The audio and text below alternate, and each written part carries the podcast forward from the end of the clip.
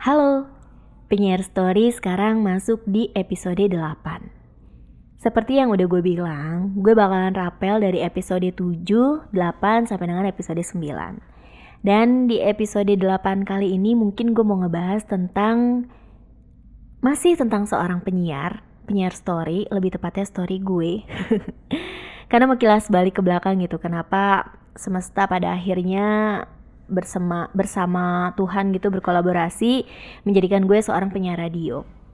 Jadi waktu tahun 2015 akhir atau 2016 gitu gue lupa kapan tepatnya mungkin nanti gue cek lagi ya gue pernah membuat satu buah novel yang judulnya itu Langkah nah Langkah ini berisi cerita tentang dua orang sahabat laki-laki di mana dua laki-laki ini sangat amat bertolak belakang. Yang satu keren cool dengan profesinya sebagai seorang penyiar radio. Yang satunya lagi culun dan culun culun culun. Pokoknya culun banget deh dengan profesi sebagai guru olahraga. Nah di sana gue menceritakan detailnya hidup sebagai seorang penyiar radio. Pola hidupnya pola pergaulannya terus juga ya kesehariannya lah rutinitasnya dan seperti apa uh, ngehipnya gitu menjadi seorang penyiar radio. Padahal dalam dunia nyata gue bukanlah seorang penyiar radio dan gue sama sekali nggak pernah ada pengalaman urusan dengan kepenyiaran, urusan dengan keradioan, urusan dengan media. Tapi karena mungkin gue kayak uh, pendengar setia radio, terus gue juga seneng kayak cari tahu, baca-baca, terus juga sering banget ngedengerin dengerin apa pun gitu.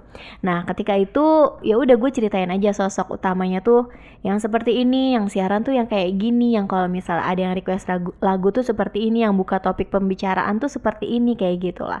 And then waktu berlalu di awal awal 2017 kalau nggak salah. Oh berarti berarti antara awal 2016 2017 gue pertama kali jadi penyiar radio berarti buku itu gue tulis tuh sekitar 2014an. Aduh gue lupa maklum ya.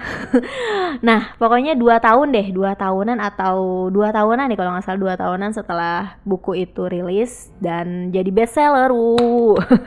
Amin ya.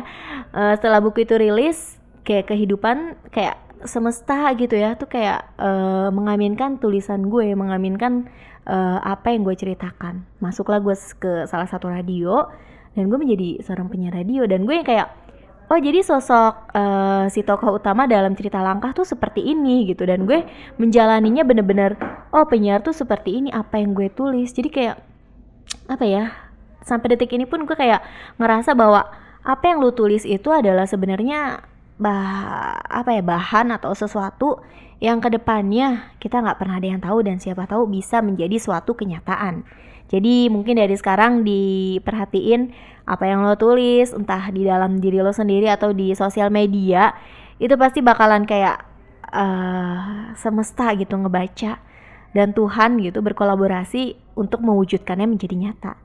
Jadi bukan cuma cerita, bukan cuma tulisan. Someday, kalau nggak hari ini, mungkin besok lusa atau mungkin setahun lagi, dua tahun lagi, sepuluh tahun lagi, itu bisa jadi kenyataan. Gitu sih.